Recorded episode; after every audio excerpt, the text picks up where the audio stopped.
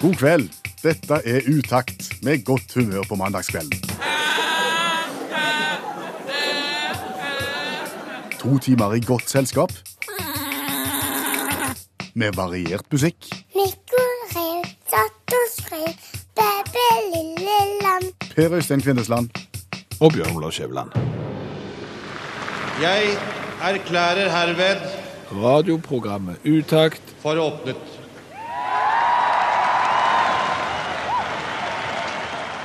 Chris Isaac og Wicked Game. Og vi husker jo alle videoen til denne sangen. Det er rulling og olstring på stranda i sanden i svart-hvitt. I sensuelle bevegelser. Ja. Og danske Helena Christensen i en hovedrolle. Ja. Men nå må vi ikke snakke oss vekk. Nei, vi må ikke det. Nå skal vi ta formålsparagrafen for det programmet som vi nettopp har starta. Utakt skal være godt humør på en mandagskveld, og utakt skal være godt selskap på en mandagskveld. Og du har vondt i halsen. Ja. Du har en sånn litt tøff stemme, men så høres det litt vondt ut òg. Ja. Og, og, og, og jeg må si det, det har vært ei vond natt. Oi sann. Ja, det har det. Og det som slo meg i natt, det var jo det at jeg våkna midt på natta. Au, au, au, au, au. Skikkelig ugreit i halsen, og utrolig vondt å, å, å svelle. Og det jeg jo har gjort i natt, det er jo ingenting. Nei. Ligget helt i ro, bare pusta. Ja, jeg har gjort overhodet ingenting. Mens halsen i går var bedre enn i natt, og halsen i dag er bedre enn i natt. Og det fikk meg til å tenke på om halsen som organ Er halsen et organ? Nei, kanskje ikke, men det er gjerne pirk. Men om halsen står i en særstilling sånn medisinsk? Med tanke på at han blir verre av at han ikke får gjort noe. Ja, for jeg har ligget i natt og ikke gjort noen ting, og da var halsen på det verste. Sant? Hvis du f.eks. har brukket en arm, revet av 14 korsbånd i kneet eller noe sånt, så får du jo beskjed om å holde det i ro og ikke røre det. Hvis du rører det, så er det kjempevondt. Det er jo det. sant? Det skada området gjør vondt. Nå har jeg en skade i halsen i overført betydning, og når jeg ikke rører den, så gjør det vondere enn når jeg rører den. Det høres ut som at halsen som organ, dersom halsen er et organ, Ja. er i en særstilling. Nei, Det er en veldig interessant problemstilling, og nå er det sikkert en eller annen som er gjerne utdannet i medisin, og som sitter tull og vas og tøys. Det her har sikkert, men for å si det sånn, fra et folkelig synspunkt, dette er et veldig interessant eh, ting som du kan diskutere, eksempel i bursdagsselskap og, og til jul og, og sånn. Har du tatt deg en malkyl? Jeg husker bare at malkylen ble liggende gjerne i en litt sånn avlange eske, og hvis du hadde det litt varmt på rommet, så smelte alle malkylene sammen til en kjempemalkyl. Ja, det er litt det samme som å ha kongen av Danmark i hanskerommet på bilen. Men du, Ja. når det først er sånn at stemmen min er der han er, Ja. det høres jo ganske tøft ut, går det an å få litt klang? Så bruker han til noe, tenker du. Ja, og dette er barskt. Hellos. Hello. Hva vil du bruke han til? Jeg vil introdusere neste artist. Ok, gjør det da. The next artist on the stage in the radio program Utakt is going to be Agnete. She was made famous when she sang in Black Sheep's Oya Skabena in Melody Grand Prix Junior. And after that, she went to the real Melody Grand Prix and she sang Icebreaker. Det ble litt langt.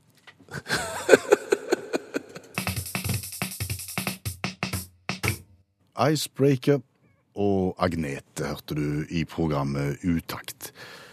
Og så er det vinterferie for store deler av landet akkurat nå. Noen har gjort seg ferdige med vinterferien, andre har så vidt begynt. Og, men det er jo godt å, å slappe litt av for de som får tid til det nå. Ja, det er jo det. Og, som du sier, vinterferien varierer jo litt eh, hvor du bor i, i Norge, tid den blir eh, avholdt. Og, og vi skal tilbake til noe sånt som 1910, 12, 13 eh, der omkring, før liksom vinterferien starta. Så det er jo i historisk sammenheng en relativt ny, fersk liten ferie. Er 100 år gammel, og så kalles han fersk. Ja, men vi får nesten komme tilbake til det. Men, men Danmark òg har eh, vinterferie. Sverige har sportslov. Er det lov? Jeg tror det er sportsferie, eh, og ligger samtidig med den norske vinterferien sånn eh, cirka. Og, og Belgia har en form for vinterferie, og, og Nederland òg har en form for vinterferie. Og det som er spesielt med denne krokusferien som de har i, i Nederland, det er at den er innført på 70-tallet. Så den er langt nyere enn vår vinterferie. Ja. Og det var vel det som fikk oss til å tenke. Hva er det som skal til for å innføre en ny ferie? Ja, for når vi sier at en norsk vinterferie er ganske ny, for den er bare liksom fra 1910-12-13, så er det jo fordi at det, det kommer sjelden nye ferier på banen. Aha. Vet vi bakgrunnen for at den norske vinterferien ble innført da på, på tidlig Det er 1900-tall? snøen. Snøen kom da. Ja, snøen kom da. Det var det året snøen kom. Nei, det var ikke det, sant. Det har litt med tror egentlig den spede starten var vinterferiekoloni for unger som hadde tuberkulose. Eh, Men det var først liksom etter andre verdenskrig at eh, vinterferien virkelig tok form. Og, og sånn som i noen land så har det vært sånn at vinterferien har blitt innført fordi at eh, skolene var nødt til å stenge for å spare energi. Og sånn fikk du på en måte innført en, en vinterferie. Men når vi tenker på andre ferier, som gjerne da er knytta opp mot religiøse hendelser, så er jo disse haugamle. Sant? De har vært i hundrevis av år. Type påske. Ja. Og, og går det an å se for seg at nei, nå er det snart på tide å innføre en ny ferie? Det er lenge siden noen har innført en ny ferie sist. Ja, var det opp til meg, Skjæveland, Ja. så skulle vi klart å få til det. Ja. Men vi må jo motivere det ut fra et eller annet. Ja, hva kunne det ha vært? Religion ble jo vanskelig. Da må du lage en ny, og det, det, det lar seg ikke gjøre. Nei, det er litt vondt å få kanskje eh, gehør for det òg. Hvis du innfører f.eks. den store feriereligionen, mm. som går ut på at stort sett alle dager er en helligdag og burde avholdes hjemme og ikke på jobb, det, det går ikke. Jeg ser for meg eh, Black Friday. Ja, den er jo i ferd med å bli innarbeidet som et begrep, iallfall. Ja. Eh, som en sånn gedigen handledag. Og, og, og hvis du da begynner med å si at eh, vi kanskje skal ha fri på Black Friday, for det er jo på en måte en dag som han er ikke religiøst betinget, så, så han bør kunne virke for, for egentlig alle. De som tror, og de som tror på noe annet, og de som overhodet ikke tror i det hele tatt. Alle burde jo klare å forenes for eksempel om Black Friday. Og så utvider man. The Black Thursday. Ja. Og så får du på en måte The Black Week. For eksempel helt der på tampen av november. K- Kunne blitt noe. Ja, da har du plutselig en ny ferie. Ja, du har det. Ja. Og så er jo spørsmålet om dette må gå på bekostning av noen allerede eksisterende ferier. Om det er litt sånn at ok, skal dere ha en ny ferie, så får du ta ut en annen. Det er mulig at liksom, hvis fagforeninger setter seg ned med arbeidsgiveren og de skal diskutere dette, så sier arbeidsgiveren jo, jo, det er greit, vi kan godt eh, innføre den der eh, black-ferien, men, men du må ta ut en annen. Hva tar du da? Skal det være dag for dag, altså du må ta i hele uka. Jeg, jeg har ikke lyst til dette, men nå prøver jeg bare å være arbeidsgiver. Jeg prøver å være djevelens advokat her, for du kommer til å få spørsmål. Ja, jeg vet det. Jeg vet det. Jeg, tror, da tror jeg rett og slett du må ta en av sommeren. For der har du, der har du flest. Vil du ta en for sommeren? Jeg har ikke lyst, men, men altså, du kan jo ikke ta jula. Nei. Og ikke påsken, for det er, så, det er så få. Ja. Jeg tror jeg har et ganske godt resonnement på gang. Kom an. Vi innfører den black uka uka som ferie, og vi argumenterer overfor arbeidsgiverne at nei, vi kan ikke ta noen andre ferier vekk, vi må bare ha de. Vi trenger mer ferie fordi det er mindre å gjøre. Hæ? Ja, men tenk deg om da. Har du ikke fått med deg det? Der er maskiner på vei inn for å gjøre flere av våre arbeidsoppgaver. Han der han som lagde Microsoft, han har du hørt om? Bill? Bill, han vil skattlegge roboter som gjør jobber. I Finland har de innført at du skal få borgerlønn for å ikke gjøre noen verdens ting i det hele tatt. Det er klart, da bør vi i Norge kunne få ei ekstra ferieuke som kompensasjon for bortfall av arbeidsoppgaver som andre gjør for oss. Åpenbart. Ja. Det feirer vi rett og slett med en feriesang. En feriesang midt i vinterferien, iallfall for noen. Holiday og Madonna. Nå må du bare stålsette deg, for nå skal du få høre noe veldig, veldig kjedelig. Nå skal du få høre noe av det kjedeligste du har hørt på radio eh, noensinne. Det varer i ett minutt og elleve sekunder, eh, men vær greie og, og bare pin deg gjennom det. Ja, dette her er så kjedelig at det faktisk er ganske gøy, så kjedelig er det. Så du må bare høre på, for så kjedelig er det, og dermed blir det litt gøy. Klar, ferdig, gå. Velkommen til Lånekassen. Du kan nå søke om stipend og lån for undervisningsåret 2016-2017 dersom du har fått opptak i utdanningen. Du søker på dine sider på landkassen.no. Logg inn med bank-ID eller min ID. Betaler du på lånet ditt? På dine sider kan du se hva du skal betale, registrerte innbetalinger og søke om betalingsutsettelse. Vi gir ikke betalingsutsettelse per telefon.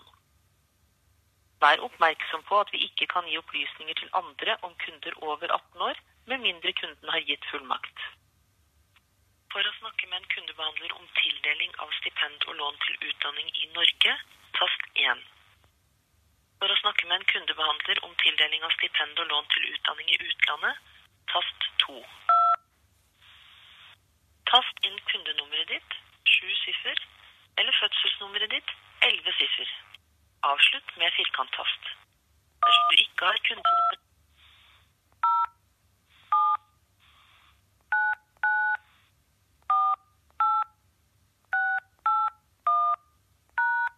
Det var kjempekjedelig, Ja. og vi må jo stille spørsmålet nå. Hvorfor i all verden spilte vi et opptak av ditt møte med Statens lånekasse per telefon? Fordi at disse 1 minutt og 11 sekundene her er en prosess som du må gå igjennom når du ringer Statens lånekasse. Og Statens lånekasse har tydeligvis ikke lyst at du skal ringe til dem, for som du hører i dette her eh, innslaget her, så vil de at du skal gå inn og gjøre ting på internett istedenfor.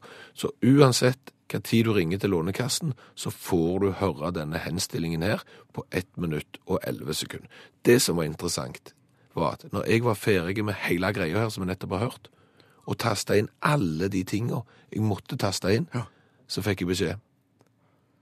Det er ingen ledige kundekontakter. Vennligst ring igjen senere. Så dermed så gjorde du det. Selvfølgelig gjorde jeg det, og hva får jeg da? Du fikk, fikk du 111? Ja, og uansett om jeg trykker de tastene jeg vet jeg blir bedt om å trykke, så hjelper det ikke. Jeg må høre hele greiene en gang til, og etter å ha hørt 1 minutt og 11 sekunder for andre gangen, så får jeg beskjed om at det er ingen ledige kundekontakter. Nei, nei, nei, nei. Og, og det er ikke tull. Det varer hele formiddagen og godt ut på ettermiddagen før jeg omsider kommer igjennom og får snakket med en kundekontakt. Hvordan gikk det? Det er jo det som er hele greia. For de sier jo ja, hvorfor har du ikke gjort det på internett? Nei, jeg ringer jo fordi at jeg nettopp ikke får gjort det på internett. Det er jo derfor jeg må gjøre det. Og i tillegg så har jeg sittet hele formiddagen og deler av ettermiddagen og hørt på denne telefonintroen. Så når jeg da endelig får hjelp av noen, så er jeg jo i så dårlig humør at selv om de hadde sagt, vet du hva, du skal få 2,5 millioner kroner av meg skattefritt, så hadde jo jeg vært sure for det om de hadde sagt det. Jeg hadde sagt, hvorfor får jeg ikke 3,5? Sånn at de må jo slutte med sånne telefonkøer som gjør at vi som står i telefonkø, blir så sure at vi skjeller ut de som skal hjelpe oss, uansett hvor vennlige de er. Ja, altså for dette som du sier, dette går utover både oss som er irriterte fordi vi ikke slipper igjennom, Ja. men også de som da skal sitte og ta imot. Ja. Det må være pyton. Selvfølgelig må det være det. Og hvorfor kan ikke Statens lånekasse eksempel gjøre sånn som andre kommersielle aktører gjør, når du ringer de og prøver å få kontakt? Da har de jo den ring tilbake-funksjonen. At de sier beklager, men her er det ingen ledige, men hvis du trykker inn telefonnummeret ditt nå, så ringer vi deg tilbake igjen. Og har du opplevd når de gjør det, Ja. og de ringer tilbake igjen i løpet av fire og et halvt minutt, Ja. hvor glad du blir? Om hvor glad du blir Jeg, da begynner jo jeg med å si å takk, Ja. begynner jeg. Og så har vi jo satt en helt annen tone. Du er kjempeimponert Ja. For det første over at de ringer tilbake igjen. Yes. For det er liksom sånn, Jeg har hørt damer som sier 'jeg ringer deg tilbake igjen', Ja. og det har de aldri gjort. Nei, sant. Så dermed så blir du kjempeimponert bare derfor. Ja. Og, og i tillegg når det går så fort. Og dermed så møter jo du kundekonsulenten med et helt annet sinnelag enn etter å ha vært igjennom en formiddag og en ettermiddag med Statens lånekasse sin telefonsvarer. Trenger ikke være rakettetterforsker for å skjønne dette. Nei. Nei. Her er, herved er henstillingen gitt. Ja. Hvis det tar litt tid hos dere i Statens lånekasse å få innført dette her, så har vi et forslag til noe dere kan hjelpe på med i, i, i mellomtida mens dere jobber med det, som vil hjelpe litt. Panpipes. Ja, selvfølgelig. Legg panpipes oppe på, på, på, på meldingen, som tar 1 minutt og 11, så føles det ikke så lenge, tror jeg. Eller kanskje enda lenger, faktisk. Ja, jeg tror faktisk du kan få folk enda surere hvis du ligger på, på det, det du bør legge på, er Adele. Ja, glem det med panpipes. Gå for Adele. Etter at vi hadde snakket om eh, telefonkø hos Lånekassen, så fant vi det naturlig å spille Hello med Adele. Ja, og, og, og en ting som er rørende i kveld, det er jo at vi har fått besøk av allmennlærer med to vekttall i musikk, Olav Hove. Han gjester oss jo hver mandag, men i dag var vi litt usikre, for det er jo vinterferie for deg egentlig.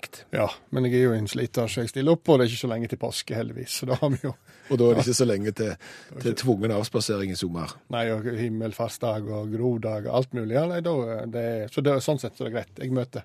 Hva skal du gjøre ellers i ferien? Nei, eh, det er jo mange måter å reise på ferie, da. Og en av dem er jo sånn å, å, å besøke ting som kanskje forsvinner.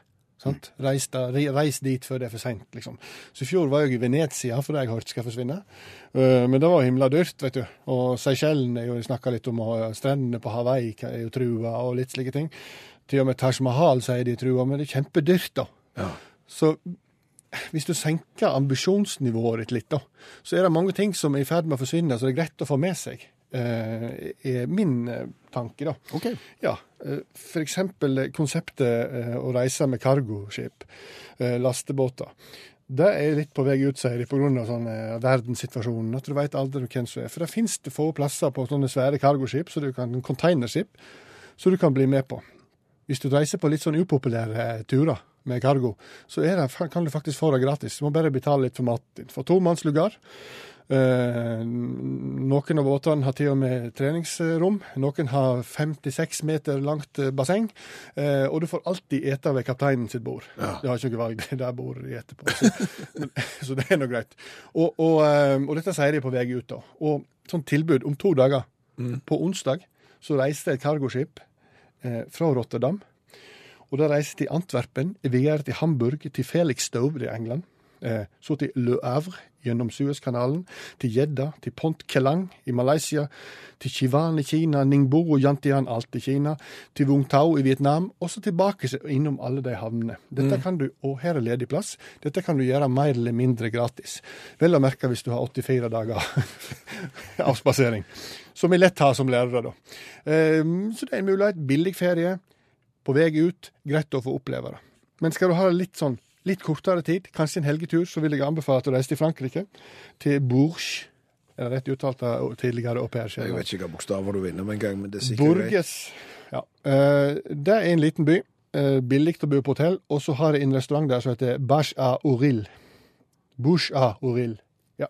Hva serverer de hos Baja Bouril? Det skal jeg komme tilbake til, men for 14 dager siden så kom Michelin-guiden, vet du. Den franske versjonen. Og da fikk eh, Bouche à ei stjerne. Og da kan du ete på den hele veka, fordi at den dyreste hovedretten koster 130 kroner, og den er klart dyrest. Ellers så koster de mye, mye mindre. Og Bouche à de serverer sånn eh, biffsnadder og patent, og seilerpatent. De vet forskjellen, sant? Seilerpatent er karbonade. De selger rekesmørbrød, halvtårn, most og skinke. Litt sånne småretter selger de. Så det kom jo som et sjokk at de kom med Michelin-guiden, da. Og ikke minst et sjokk for Veronica Jacquette, som eier, eier denne restauranten, eller kafeen, eller vertshuset, eller noe av det. Og hun har hatt heftige veker her nå, for det har jo strømma til med folk. Så da kan du reise til bords, bo billig, ete på Michelin-restaurant hver eneste dag, og det er ikke dyrt i det hele tatt. En liten hake, da. For, for Bush og Oril fikk fikk i stjerna i, i, i Michelin-guiden, men ikke den Bush og Oril, Den som er i Paris. Det viser seg at det er to restauranter med samme navn. Så, så, så Biffsnadderrestauranten i Bourges fikk egentlig ikke stjerna, men de har fått den allikevel, og det står i guiden. Så hvis de skynder dere, folkens, nå, skynder dere ned, så kan de ete kjempebillig ei hel uke på Michelin-restaurant. Det er noe å skryte av det. Tusen takk skal du ha, allmennlærer med to vekttall i musikk, Olav Hove. Postgirobygget var det. Lei av å bli lurt. Se for deg følgende situasjon. Du har vært i selskap på besøk hos noen du kjenner. Ja. Mm. Så tidspunktet kommet når du skal gå. Du må gå. Ja. Vertskapet følger deg ned til døra. Du går ut døra. Vertskapet lukker igjen døra. Så kommer du på. Fasiken. Skjerfet mitt henger fremdeles på knaggen der inne. Hva gjør du da? Du går og henter det. Ja. Ringer du på? Mm. I utgangspunktet, ja. I utgangspunktet ja. Jeg, har- jeg har gått ut, de har lukket igjen, sier du? Ja. Mm, Det kommer selvfølgelig an på hvor jeg er. Hvis jeg er hos, hos broren min eller hos svigermor, så går jeg jo bare inn og henter det. Men hvis det er litt mer perifert, steder jeg ikke er så ofte, da ville jeg ringt på og sagt hei, du vet du hva, jeg glemte skjerfet mitt. Ville du gjort det hvis du kom på det tre sekunder etter de hadde lukket døra? Nei, tre sekunder. Da kunne jeg kjapt nok bare Hei, hei, hei, hei skjerfet mitt Ja. glemte jeg. Så da hadde du bare åpna døra uten å ringe på, så hadde jeg sagt hei, hei, hei, skjerfet mitt. Ja, for da ville jeg tenkt at de, da er de antageligvis rett inn forbi allikevel. Fem sekunder. Begynner å nærme seg ei grense, da. Er Fem sekunder. Nei, nei, fem sekunder er greit. Fem, Ti? ti? Eh, Poenget må være at de, de er vekke fra gangen. De har gått opp i andre etasje eller et eller annet. Ok. Og, og opplever at det høres ut som noen bryter seg inn. De skremmer de jo da hvis de går inn. OK. Så 20 sekunder. Da, da, er, vi, da er vi over. OK, Ja. greit. Nei, Det er jo en veldig interessant eh, tankegang, dette her. Er det egentlig det? Ja, jeg syns jo det. For, for hvis du glemmer noe, eller skal inn igjen der du allerede har vært på besøk, sant? hvor lang tid må det gå før du eventuelt må ringe på igjen? Hva skal vi si? 20 sekunder? Nei, altså, jeg er ikke sikker. Det, det, det er jo som du sier, det har jo litt med hvem det er.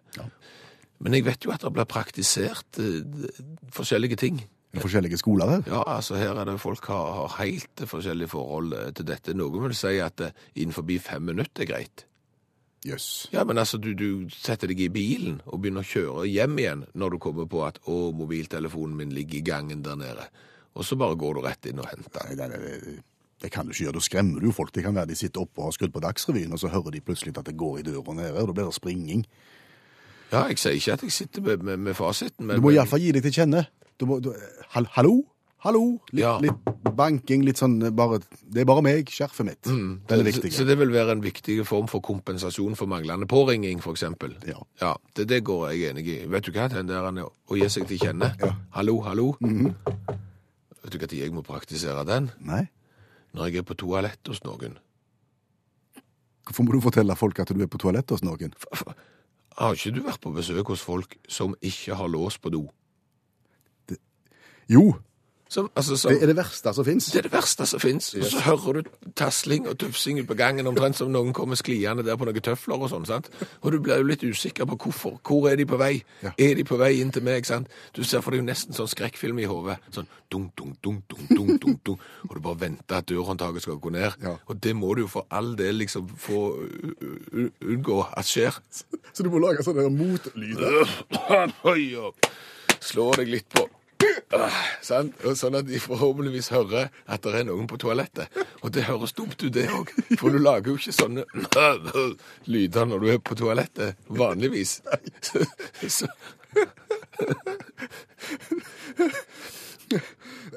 Ja, nei, nå sk- sklei vi litt ut her, men men skal vi avslutte dette her med en, med en henstilling til alle der ute om at på toalettet, der har vi nøkkel. Der har vi lås. Hvis, hvis du ikke praktiserer det i ditt eget hus, nei vel, la være å bruke den da. Ja. Men for andre, for oss andre som kommer, som har lyst til å bruke den, vi må ha en mulighet til det.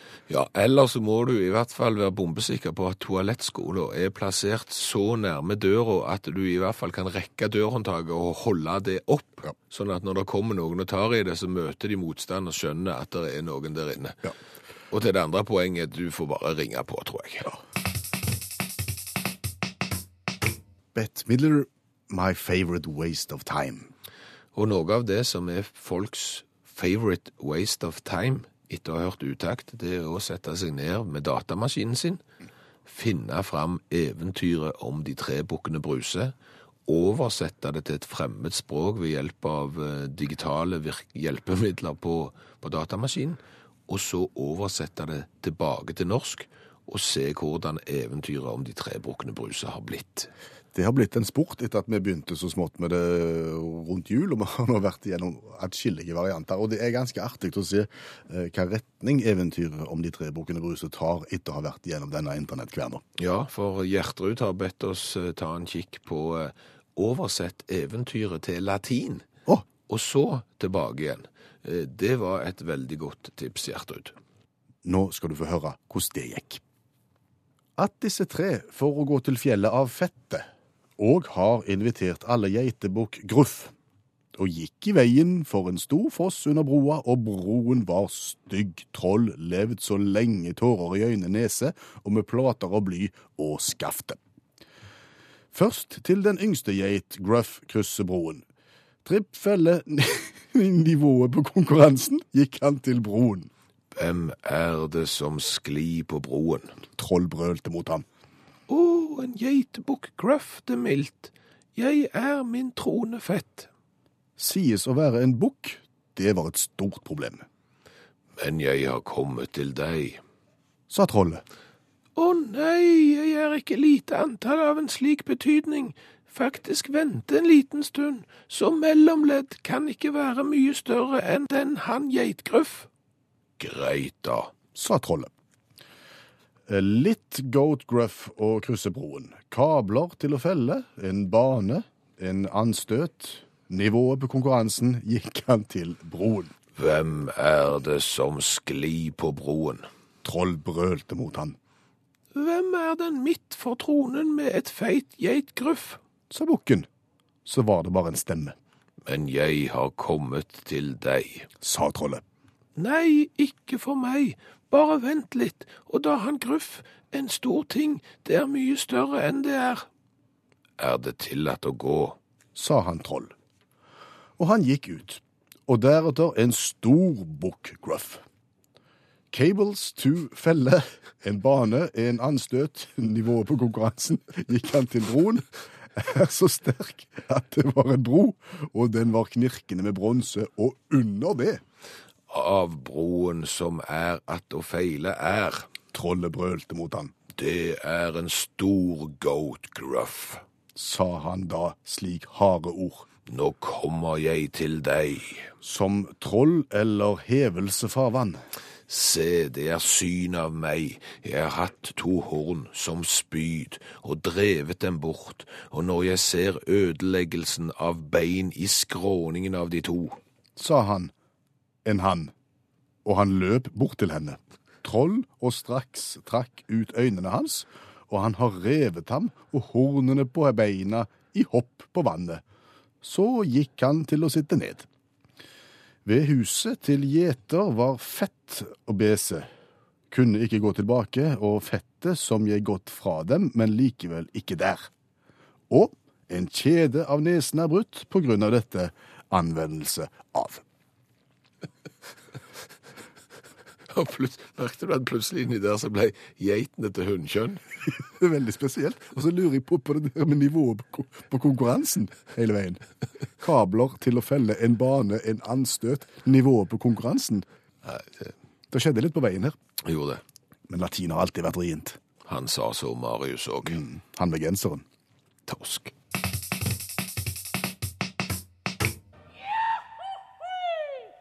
Lett jodling i programmet Utakt indikerer konkurranse. Ja, må ha spørrekonkurranse, og fordelen med vår spørrekonkurranse er jo at du får den samme premien enten du svarer rett eller feil. Og så liker vi å gjøre hverandre gode gjennom det vi nå skal gå, gå, gå løs på. Anne Solli, Molde, god kveld. Hei, god kveld du. Hei. Du er klar til å konkurrere? Ja, så godt det lar seg gjøre. Flott. Vi tar reglementet litt kjapt. Veldig enkelt. Jeg har en bunke med spørrebøker her, så velger bare Anne tilfeldig en av de, og så tar vi tilfeldig sidetall, og så tar vi tilfeldig spørsmål. Og skulle Anne svare rett, så skal hun få gladjodling. Blir det feil svar, så blir det tristjodling. Men uansett så skal hun få gå i Molde og brese seg i ei svarte utakt-T-skjorte med vedhals. God plan. Da begynner vi. Da dunker Skjæveland bøkene i bordet, og så sier du stopp når du kommer til den boka du vil ha. Og stopp. Stopp på Kåre Kapps nye spørrebok fra 1987. Ja. som har vært så heldige at vi har fått ifra et skolebibliotek. ja. Steigen skole. Så det er, og der er det noe sånn som hun- 62 sider. Hva sidetall vil du ha? Da tar vi 23. Det er da kategorien norske, norske, den norske. Jeg tror det har noe med norsk å gjøre. Eh, 20, spør 20 spørsmål. Nummer 11. Et av vår sagatids største skip, kong Sverres flaggskip under slaget ved Fimreite mot Nei, det var Hæ? Er det et spørsmål? Du må ikke spørre meg, det er du som har boka. Er det sånn Jeopardy? Ja, det er sånn med, med, med rot og rot. Vi bare tar en annen side, og vi tar det samme, bare vi holder. Hva er legalitet? Eh, lovlighet. Bra start, Anne. Ja. Ikke Løyeskolebiblioteket kvitta seg med den spørreboka der. Han er ikke til å stole på i det hele tatt. Nei, men dette gikk bra. Ny spørrebok, dunk i bordet. ja. Der var vi på Quiz-giganten. 3000 spørsmål og svar. Og kolossalt mange sider. 406. Og da tar vi side 78. Da er vi på den velkjente kategorien backpacker. Å, Ja. Oh yeah. Det tror jeg har med reising å gjøre, og det er 15 spørsmål å velge i. Nummer én høres trygt ut. Hva heter hovedstaden i Østerrike? Ja, det var det. Eh, Østerrike Det er der de spiller den konserten som du er nødt til å eh, se på før du får se nyttårshopprennet. Ja, den i Wien, du mener? Er En fattig kvinne på Ja. kvelden. men det er det jeg sier. Vi liker å gjøre hverandre gode. Ja, det er akkurat det. Takk, takk. Kjempe. Da er det ei spørrebok igjen. Det er bare å si stopp. Ja, Stopp. Quiz 1000 spørsmål og svar ifra Dam 1962. OK. Var du født i 1962? Nei, Ikke påtenkt i 1962 heller? sannsynligvis ikke, for da var mor mi tenåring. Det ser du. Tror jeg ikke vi hadde begynt å planlegge. Nei. Og der er det eh, 82 sider. Side 12. Det er da eh, rusk om snusk. Ja. Den velkjente kategorien rusk om snusk. Rusk om snusk fra 1962. Det høres ut som en, en film du ikke burde få på, på Super 8. Ja, fysj. 25 spørsmål å velge i. Ja. Nummer to. Kan fotoelektrisk lysmåler innvirke på kompasset? Eh, Jeg tipper ja.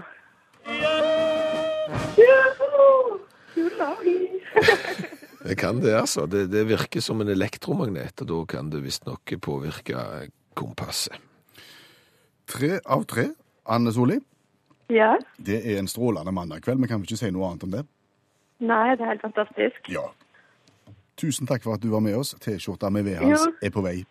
Supert. Takk for meg. Hei Ha det bra. Ha det bra. Admiral P vil gjerne snakke litt. Vi vil gjerne snakke litt om cola. Ja, for hver eneste mandag så tester vi en ny cola fra et eller annet land. Og vi tester alltid en cola vi ikke har smakt på før. Ja.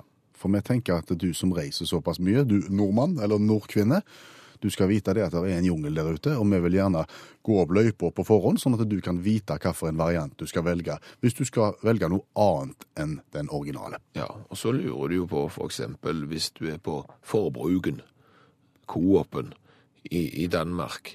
Skal jeg drikke Coop-ens egen classic cola? Ja, det vet ikke vi, men Nei. det vet vi kanskje øyeblikk. Vil jo tro at det kan være en variant som er ganske rimelig, dersom den finnes i sånne store Coop-forretninger i Danmark. Ja, og den boksen som jeg sitter foran meg, den har vi fått av Per Henrik Lindgren fra Arendal. Han har da vært en tur i Danmark og, og tatt med seg eh, denne. Det er en rød boks. Ja. Ingenting spesielt med den. Der står Cola Classic med hvite bokstaver, og så er det en liten sånn en hvite snøstorm på. Altså, likere originalboksen går det vel egentlig ikke an å komme. Altså, her har en på en måte sett på den originale. Men det som er litt interessant med denne boksen, syns jeg, er at Coop lager jo ikke colaen sjøl. De får andre til å gjøre det for seg. De har fått bryggeriet Vestfyn til å gjøre det for seg. Og vet du hva brus de lager? nei. De lager Jolly Cola. Ah. Og Jolly-colaen har jo egentlig havna relativt høyt opp på lista vår tidligere. Er det sånn at Cola Classic fra Coop egentlig kanskje er en liten kamuflerte Jolly Cola? Det er interessant. La oss smake. Dåsen er åpna. Det heter dåse på Jeg vet det. ja, dåsecola. Og det er rikeslikt med kullsyre. Ja, det hører jo det frese allerede. Det er alltid en god start. Og fargen er veldig, veldig mørk og svart. La oss smake.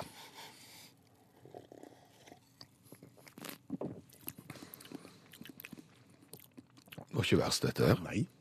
På ingen måte.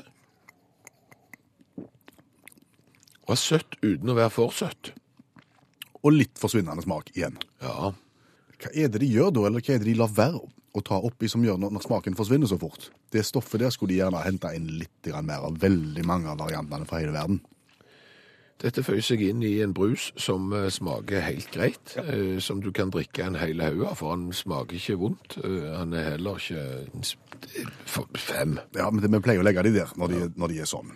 Eh, når det gjelder design på boksen, så syns jeg det er ikke bra i det hele tatt. Her har du bare sett på originalen, og så har du laget den likest mulig i håp om at folk skal ta feil. Ja, det, det, det er ingen tre. Krise. Det er to, faktisk. To to i dag. Da er vi på 15 poeng, og det gjør at eh, Coop sin Classic Cola fra Danmark ikke kommer spesielt høyt opp. Men, men for all del, det er ingen grunn til å skygge banen hvis du skal, skal smake den når du er i Danmark. Vet vi om det er en forkledt jolly nå? Hva vet vi om det?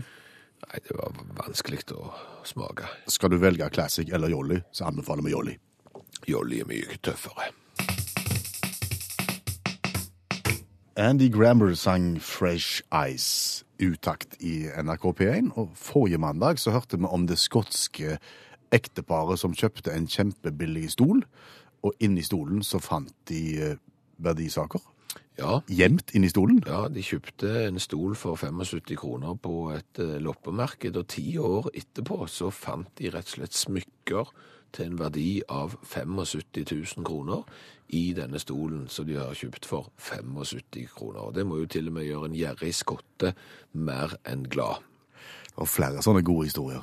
Ja, det er det, og, litt i samme finn verdier i møblene dine.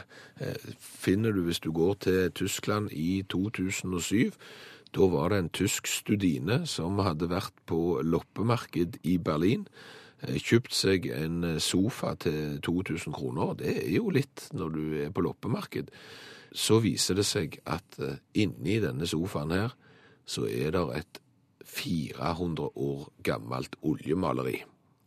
Inni sofaen. Ja, og det var verdt nærmere 300 000 kroner. Ai, ai, ai. Ble solgt på auksjon. Jeg får lyst til å spørre A. Hvorfor legger noen maleriet i sofaen? B. Sjansen for at det blir ødelagt når du setter deg på det. Gjemmer du aldri kunst i sofaen, du? Nei, jeg gjør ikke det. Nei, jeg gjør heller ikke det. Det var bare en spøk. Men, men så har du jo den der Når du da tilsynelatende da, da har jo maleriet vært skjult. sant?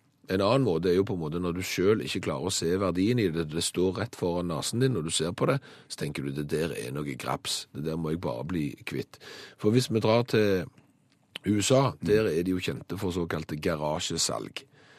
Da tar familier og samler de tingene de ikke har lyst på, og så samler de det ut i garasjen, og så kommer nabolaget, og så går de inn og ser hva de har å selge.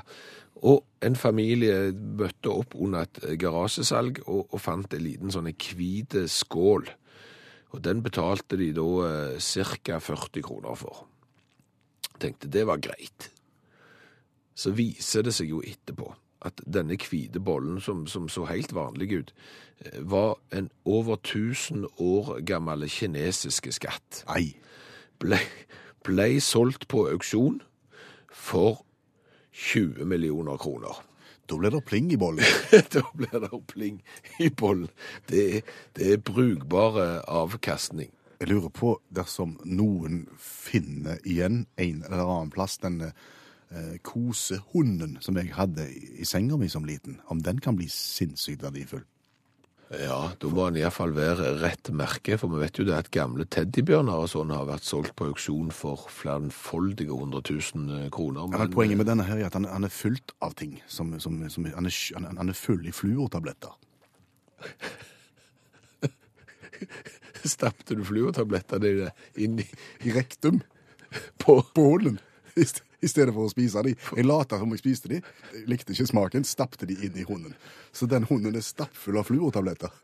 For å si det sånn, jeg tror den eneste måten du skulle fått opp verdien på den på, var hvis det var andre typer eh, tabletter du hadde stappet opp i rektum på den. Men da hadde du blitt tiltalt for narkotikakriminalitet. Allmennlærer med to vekttall i musikk, Olav Hove. Var ikke det rørende? En sang bare til deg? Jo, det er tungt å snakke nå, kjenner jeg. Olav Olav heter sangen. Og det var Ingebjørg Bratland og, og Nordstoga som sang til deg. For du sitter fortsatt her. Eh, Du hjelper oss jo gjerne med ting som eh, vi sjøl ikke har greie på. Vi hadde et slags ferietema tidligere i programmet. Eh, Ting du bør oppleve før du dør. Og da anbefaler jeg folk å bestille en reise til Wigtown i Skottland. Der er- kan du faktisk, hvis du er litt, har en liten leiebil, få med deg to ting som er i ferd med å forsvinne. Så jeg syns det er greit å få med seg. Um, for hvis du er i Wigtown, og så tar du bilen og kjører en liten biltur til Loggydørno Hørt om Loggydørno? Nei. Nei. Men de som driver med primærnæring og sånn, har hørt om Loggydørno, for da tenker de nå Loggydørno-sauen, den er vel ikke i ferd med å forsvinne. Det er jo den mest populære sauen i Storbritannia. Ja, kanskje et, et bluefaced Leicester, som er enda mer populær. Men uansett, det er ikke den, da. Logg i Loggydørno det ligger i Aberdeenshire kommune. eh, Og der har teknisk etat skapt en eh, turistattraksjon. Helt ufrivillig skapt en turistattraksjon. Online, så folk valfarter til og ler seg krokete. Det viser seg at Aberdeenshire ble med på et såkalt treplanteprosjekt. Ja, biodiversitetsinitiativ fra den engelske stat. Fikk tilsendt eh, 400 tre med, med såkalte eh, sterke formeiringsegenskaper, til og med i røft klima, for å liksom skape litt mer mangfold og litt bedre klima og slike ting. da. Eh, eh, Teknisk etat fikk ansvaret for å plante trærne. 45 av de trærne her ble planta på eh, en park i Lågedørno, høres smart ut. Eh, problemet var at det ble planta på eh, heimebanen til det lokale fotballaget. Teknisk etat tenkte ikke at to mål i hver ende med krittstreker rundt eh, betydde noe særlig. Dermed så står det 45 robuste tre på 2,5 meter på heimebanen til Lågedørno. Og, og teknisk etat vil gjerne ta det vekk, for det er bitte litt pinlig. Men den engelske stat har foreløpig sagt nei. Men det er i ferd med å forsvinne, ikke sant? Så hvis du vil oppleve fotballbaner med svært artsmangfold på tresida, eh, og gjerne ta med deg en ball og drible litt, så vil jeg anbefale det. Eh, Og så kan du bo i Wigtown, da. Og da kan du få deg i leilighet, svær leilighet, med fire soverom, utsikt over sjøen. Og nå snakker vi om det skotske lavlandet, liksom. Da har du liksom fjellet bak deg, du har sjøen ute før, du har flotte små restauranter, du har idylliske puber, du har billig laksefiske, du har guida fjellturer. Du har plass til tolv i denne leiligheten, og det koster 280 kroner per natt. Altså rundt 25 kroner per person. Kan bo der så lenge du vil. Og det er ikke spesielt attraktivt å bo der. Til tross for at det er nyoppussa helt opp. En liten hake bare. Det er kun en liten hake, for i første etasje på den leiligheten der er en bokhandel. Og den har du på en måte ansvar for. Det er premisset for å leie leiligheten. Du må drive bokhandelen, og du må oppe 40 timer i veka. Men ellers så kan du gjøre hva du vil. Det viser seg spesielt om sommeren at det er blitt mye folk som besøker denne bokhandelen, for det er blitt litt populært, da, dette her. Eh, Og, og et 80 år gammelt ektepar fra Oregon i i USA, de hadde utsatt bryllupsreisen sin, gifta seg i 1957. Var, tilbringte en måned i fjor i Big Town. Eh, var sliten i kropp og sjel når de kom hjem igjen, men syntes det var en fin ferie. Men de hadde ikke opplevd særlig mye, fordi at det hadde vært mye folk, mye kø og regnskap på kveldstid. Vasking, rengjøring og det ene med det andre. Men nå sier eieren at han vet ikke om han gidder ha bokhandelen åpen lenger, for han, han føler han tjener litt lite. Og klart, eh, hvis han må jobbe sjøl, så gidder han jo ikke det. Så i ferd med å forsvinne. To fine ting i Skottland. Jeg anbefaler deg å reise av Big Town. Var det her, altså. Kan du tenke deg å drive bokhandel i, Skottland? Komme inn og si You had you had first. Two cups of you had. Wait. Yeah, me. Det er jo ikke lett. Nei, det er kjempevanskelig. Takk igjen, allmennlærer med to vekttall i musikk, Olav Hove. Vanessa Williams har du hørt med Save the Best for Last. Og hvis Vanessa Williams kan få synge i utakt, så kan vel jeg òg få lov å synge i utakt? Hva vil du synge? Jeg vil synge en vignett. Det må du velge hvis det indikerer god radio. Jeg er litt usikker på om det indikerer god radio, men, men det hjelper oss iallfall, for eh, det handler nemlig om 20 spørsmål for Studio K7. Uten publikum og band og ingen postkort og ja, i det hele tatt. Dette er Utakt sin variant av klassiske 20 spørsmål. Foregår på en litt annen måte. Ja, det er ingen som har sendt inn et postkort med et vanskelig ord som et panel skal gjette. Her er det jeg som går inn på internett, finner en rubrikkannonse, og Per Øystein som sitter i studio skal prøve å gjette gjette hvilket produkt det er som er til salgs, på mindre enn 20 spørsmål. Ja, og du som hører på skal straks få høre hva jeg skal prøve å finne fram til. Eh, og så skal du da få lov til å følge min ferd mot målet, dersom jeg kommer i mål. Ja, Og, og hvilket fylke kunne du tenkt deg å bevege deg ut i i dag? Mm, vi var nord forrige mandag, da tar vi sømme. Jeg vil til Vest-Agder. Til Vest-Agder, ja. Da har vi trykt oss inn på Vest-Agder, Audnedal, Farsund, Flekkefjord. Audnedal. Flekkefjord, har jeg Flekkefjord? Ja, ja, Flekkefjord. Da er vi inne på Flekkefjord, og vi finner en annonse ifra Vi går for en Blazer Baroness. Det er da et eh, våpen, et gevær. Har du nå fortalt alle hva jeg skal finne fram til? Ja. Da kan jeg koble inn igjen ørene mine og begynne å spørre. Jeg pleier alltid å starte med er dette noe jeg har lyst på. Det tror jeg ikke. Nei. Er dette noe folk flest kunne tenkt seg? Jeg, jeg tror ikke det er sånn at allmuen eh, ønsker seg dette til verken jul eller bursdager. Det er nok for de som er interesserte. Er dette noe en eh, har innendørs? Du har det innendørs, men du opererer det utendørs. Akkurat. Da høres det ut som et verktøy eller noe som da står stua inne, som du tar ut når du trenger det. Mm, Ikke et verktøy, nei. Er det hagemøbler? Nei, det er ikke det. Er det parasoll? Nei, det kunne du hatt lyst på, jo. Ja. Ja, må ikke glemme det. Ok, en gjenstand, noe som du oppbevarer inne, men som du tar med deg ut og bruker ute, som jeg egentlig ikke ønsker meg. Eh, brukes det i vår sommerhalvåret? Det brukes hele året. Er det noe som barn har glede av å, å holde på med? De har sikkert glede av å holde på med det, men det er litt usikkert om de bør. Eh, Er det ulovlig for barn å holde på med det? Uh, Iallfall uten at foreldrene er til stede. Jeg vet ikke, jeg kan ikke reglene for det helt. Er det en form for fyrverkeri? Nei. Er det en form for leketøy? Litt voksent leketøy? Mm, du får ikke kjøpt i leketøysbutikk, for å si det sånn. Det gjør du ikke. Det, det er ikke et leketøy, nei. Kan jeg gå inn i en, i en butikk i min by og få kjøpt dette her uh, greiene her? Iallfall noe tilsvarende. Over disk? Ja. Jaha. Krever det noen form for um, utdanning eller opplæring eller sertifisering for å det gjør det, ja? Det for å bruke det, ja. Mm. Det, det, det, det er ikke et kjøretøy? Altså, Nei. nei, det er ikke et kjøretøy. Det er veldig få kjøretøy som du oppbevarer inne. Det er jo i garasje, carport, Men tenkte det er jo ikke inne. Det er et definisjonsspørsmål. OK. Eh, er det tungt? Nei, jeg, jeg, jeg er ikke sikker på vekta, men la oss si tre kilo, kanskje.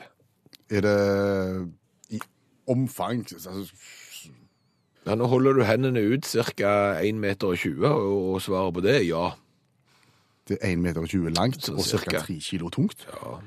Er det noe jeg kan bruke innenfor sport? ja. Er, er, det, er det en pil og bue? Nei, det smeller mer enn det. Er det 18 spørsmål. ah, våpen? Ja. Er det, det, det, er det en, en muskedund? ja det, 19 spørsmål, det er nesten en muskedunder. Eh, det er jo nå det blir vanskelig, fordi at meg og deg har nok ikke et forhold til dette her. Men det er et våpen, ja. Ja vel. Det er da en Blazer R8 Baroness, med inklusiv løp i valgfritt kaliber innen standardløpene. Eh, det kan du da kjøpe. Det koster kun 80 000 80 000 i Flekkefjord. ja, for en Blazer eh, Baroness. Blazer er noe jeg har på meg i fest når jeg går på fest. Ja, men ikke til 80 000.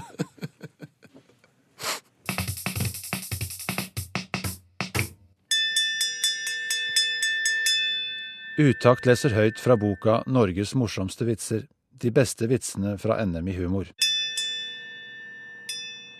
I helvete. En klarinettist i toppklasse døde og kom til helvete. Der ble han vist inn i en vakker konsertsal med fantastisk akustikk. Et stort symfoniorkester spilte. Bare førsteklarinettistens plass sto tom. På stolen lå et nydelig instrument og ventet på ham. Takk, gode Gud, mumlet klarinettisten. Jeg må ha kommet feil. Han begynte å spille, og det låt helt fantastisk. Mye flottere enn han noen gang hadde opplevd. Det var dette han alltid hadde strebet etter. Etter to timer bøyde han seg over mot annen klarinettisten og spurte. Nå blir det pause? Det blir aldri pause, lød svaret.